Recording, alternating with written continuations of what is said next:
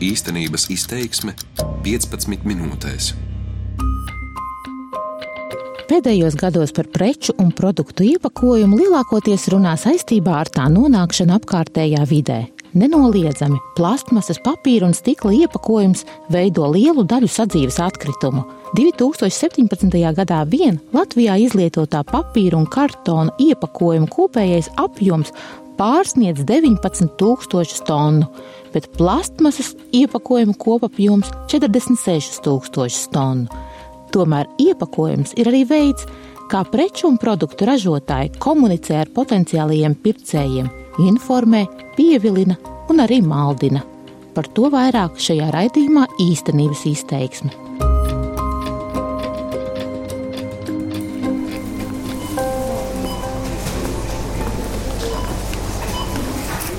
Pagājuši laiki, kad veikalu plauktos bija nopērkams tikai viena vai dažu veidu piens, krējums, sviests, čipsi vai konfektes.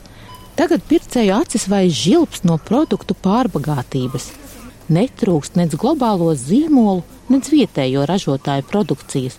Steigā un burzmā itin viegli var kļūdīties, sevišķi tad, ja nav ierasts rūpīgi pētīt, ko liekam savos iepirkumu groziņos. Par to, iepērkoties kopā ar bērniem, nācies pārliecināties Guntim Gūtmanim. Es saku, atnesiet man pienu. Viņi man atnes, nu, bērni maz atnes, un saka, vai cik smags iepakojums. Es saku, nē, šito mēs nepirksim, tas nav vietējais, pērkam vietējo. Es to esmu darījis gadiem, nu, bet tas tā ir iegājies. Viņam saka, mēs ejam pie tā plaukta, es saku, nē, šito liekam nost, ņemam to, kas ir, nu, vietējais. Un stāv blakus viena gados kundze un saka, vai es nemaz nezināju, ka tas nav mūsējais, ka tas ir importa. Guntis Gutmanis ir lauksaimnieku organizācijas sadarbības padomas piena darba grupas vadītājs un viens no nesen sāktās kampaņas godīgs piens ierosinātājiem. Paša pieredze ir viens no iemesliem, kādēļ nolemts papētīt, vai pircēji maz atšķir šeit pat Latvijā ražotos produktus no citvietu ražotajiem. Tirgus un sabiedriskās domas pētījumu centram SKDS pasūtīta aptauja, kuras rezultāts liecina, Liela daļa neatšķir visu. Dažos produktu grupās pat pārpa 50% cilvēki uzskata, ka viņi pērk citu produktu, nekā viņi īstenībā gribētu nopirkt. Lielākoties gadās aloties, izvēloties produktus tikai pēc nosaukuma un etiķetes. Aptaujas rezultāti liecina, Liela daļa Latvijas pircēju dzīvo ar kļūdainu pārliecību, ka piena produkti ar zīmolu Annele un mājas saldējums ir Latvijā, nevis Lietuvā ražoti produkti. Tiešām liela daļa cilvēku, nu, vairāk par pusi, uzskata, ka tas ir vietējais produkts. Patiesībā Annele, kas mums asociējas ar Annas brigaderes bērnības atmiņām, ir Lietuvā izplatīts sieviešu vārds. Tā tas ir sakritis, ka mums tas emocionāli liekas, nu jā, ka tas ir tas latviskais. Nu, no mārketinga viedokļa viņiem ir izcili sanācis atrast produktu, kas ir abos tirgos. Jā. Iekarot citu valstu tirgus pārtikas ražotājiem nav viegli. Bieži vien produkti, kurus iecienījuši vienas valsts patērētāji, nespēja iekarot pircēju sirdis citā valstī. Tādēļ lielie ražotāji mēdz pielāgot produktus kādam noteiktam tirgumam. Tas var notikt gan mainot produktam raksturīgās garšas nianses un nosaukumus, gan radot atšķirīgu iepakojumu. Protams, ar jebkuru nosaukumu, nu, kas ir līdzīgs kādam nosaukumam, kuru mēs jau pazīstam, tas, protams, ir vieglāk. Un tas īstenībā ne tikai ar nosaukumiem, bet, piemēram, arī ar iepakojumu. Kaut kādas produktu grupas, kuras mēs esam tradicionāli paredzējuši pirkt kaut kādā veidā iepakojumā, ja arī importa vai nu, cits tirgus dalībnieks mēģina uh, savu produktu pārdot, ja viņš uztaisīs līdzīgu iepakojumu, arī būs vieglāk pārdot. Vienīgais veids, kā neuzķerties uz šādiem mārketinga trikiem, ir rūpīgi lasīt informāciju uz iepakojuma. Taču ir kāds bet. Nu, būsim godīgi, mēs te arī runājam cilvēkam, tad nu, viņi saka, nu, mēs pēc darba jau visi tādi, nu, tu ieej veikalā, kādi mazie burtiņi. Nu. Tas attiecas ne tikai uz piena produktiem. Veikalu plauktos ir daudz vizuāli ļoti līdzīgu produktu. No plašā sortimenta izvēlos divas šokolādes konfektes - Lietuvā ražotās migle un skandināvu koncernam Orkla piedarošās laimas ražotās konfektes laime. Skatoties uz to iepakojumu, atmiņā attaust uzdevums atroda desmit atšķirības. Tādas, protams, ir. Laime rakstīts citādā burtveidolā, jeb atšķirīgiem burtiem. Tās ietītas tumšāk sarkanā papīriņā. Uz migla iepakojuma konfektes nosaukumu ieskauj dzelteni stari, savukārt nosaukumu laime gan dzelteni, gan citu krāsu. Intervijas vidū nolieku konfektes uz galda. steigā varat sajaukt vai ne? Es domāju, ka noteikti. Es domāju, ka nu, labi, es ieraudzīšu to laimes uzrakstu, bet es domāju, ka noteikti. Un tas, jā, ja tagad par konfliktiem runāt, tur man liekas, ir vairākas tādas, ko es esmu redzējis, ka šķiet, ka ir viens un īstenībā ir kaut kas ļoti, ļoti tuvu blakus.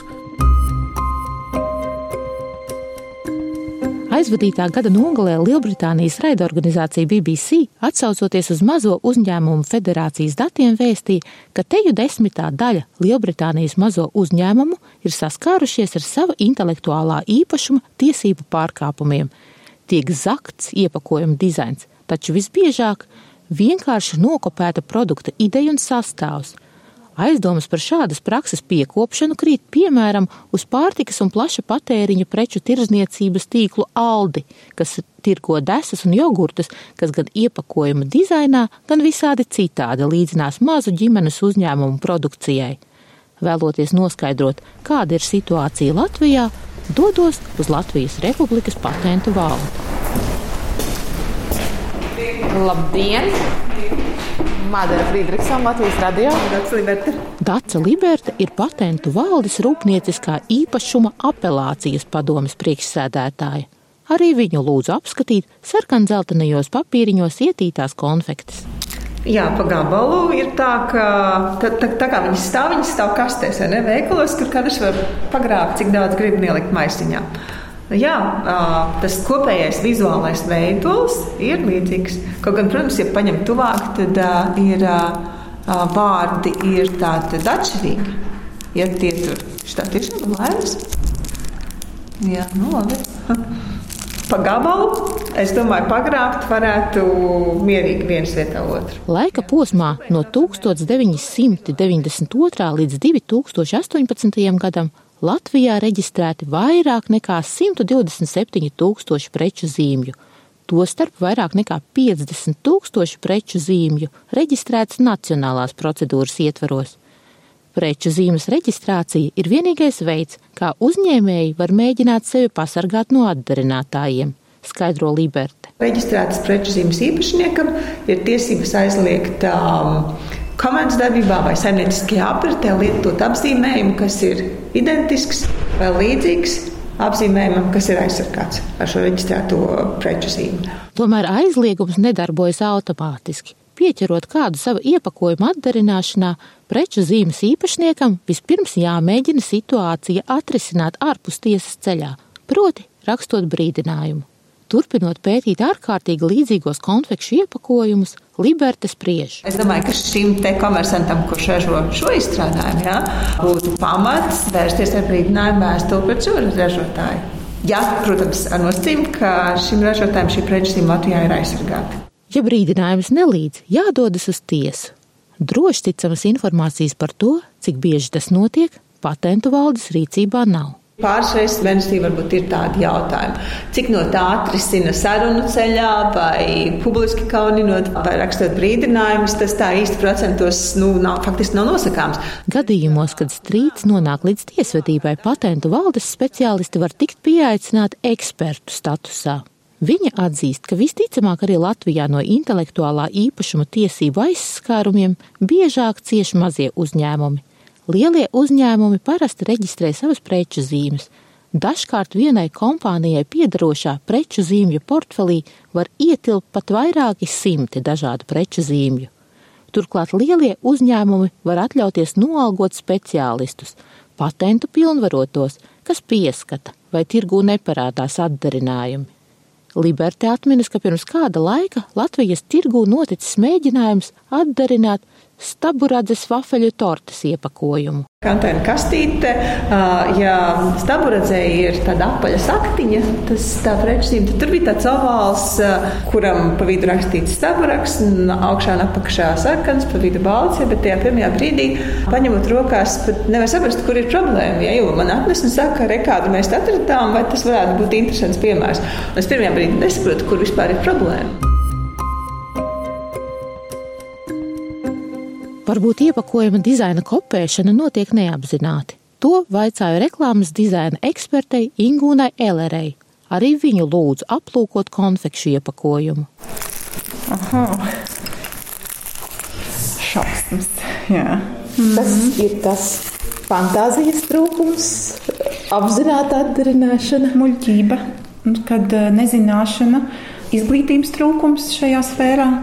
Un, eh, jā, nezināšana un muļķība. Raksturojot pašreizējo situāciju iepakojuma dizainā Latvijā, Elere teica, brīžiem acis sāp.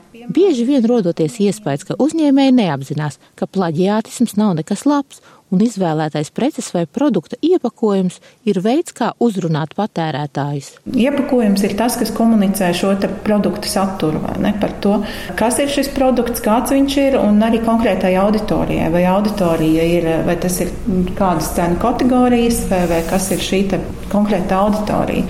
Un, uh, Tam tā būtu jābūt. Iespējams, uzņēmēji vēl nav līdz galam apjautuši, ka sabiedrības attieksme pret iepakojumu mainās. Šajā industrijā arvien aktuālāks kļūst jautājums par ilgtspēju.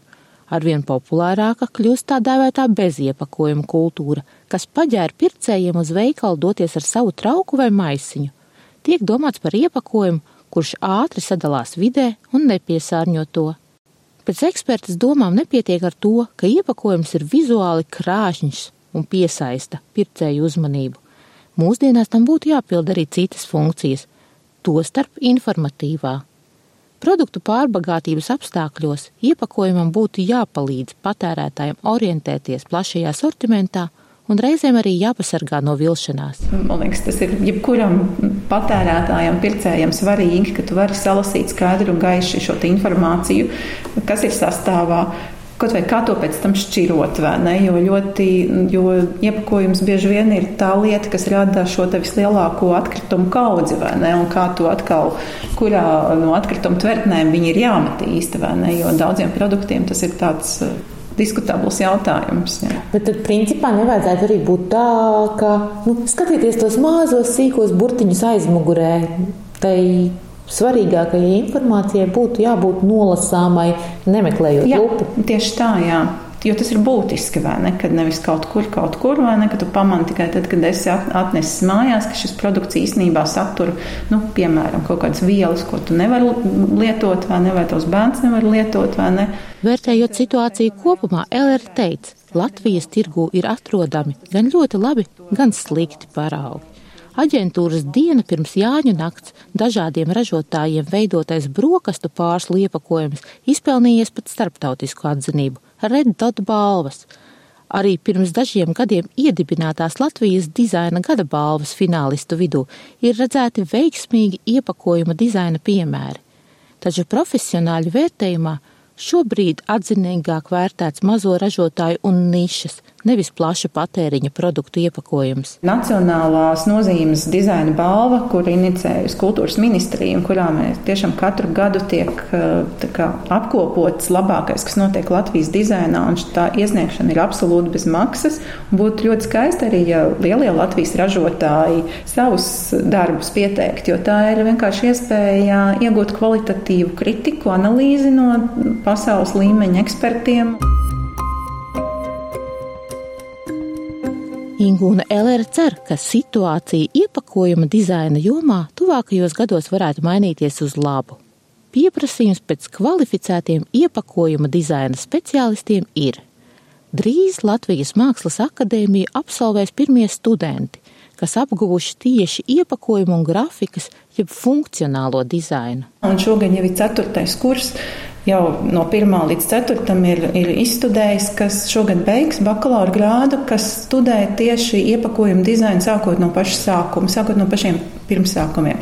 Visa kompozīcija, burtveidoli, tehniskās lietas un tam līdzīgi. Tikmēr lauksaimnieku organizācijas sadarbības padome ar patērētājus maldinošajiem iepakojumiem nolēmusi cīnīties ar citiem līdzekļiem. Tā vērsīsies Sēmas tautsēmniecības komisiju ar aicinājumu normatīvajos aktos noteikt, ka Latvijā ražotajiem piena produktiem jāierāda atsevišķi plaukti. Guntis Gūtmanis spriež, ka tas mazinās pircēju iespējas kļūdīties. Nu, mums šķiet, ka tas neprasītu nekādus milzu ieguldījumus veikalos nodalīt plauktus. Nu, vienā plauktā, nu, pasakām, nu, redz, kur ir viens leduskapis, šeit ir importa produkcija, un šeit ir vietējā produkcija. Nu, tas neprasa nekādus milzus naudas. Tomēr pagaidām vienīgais veids, kā nevilties, vietējā produkta vietā nopērkot importa ražojumu vai iemīļota produkta vietā citu vizuāli līdzīgu produktu, ir rūpīgi aplūkot preču iepakojumu.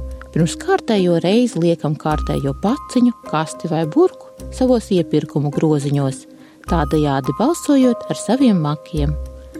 Raidījumu veidojumā dara Friedrichsone, skaņu montēja Renārs Šteimanis.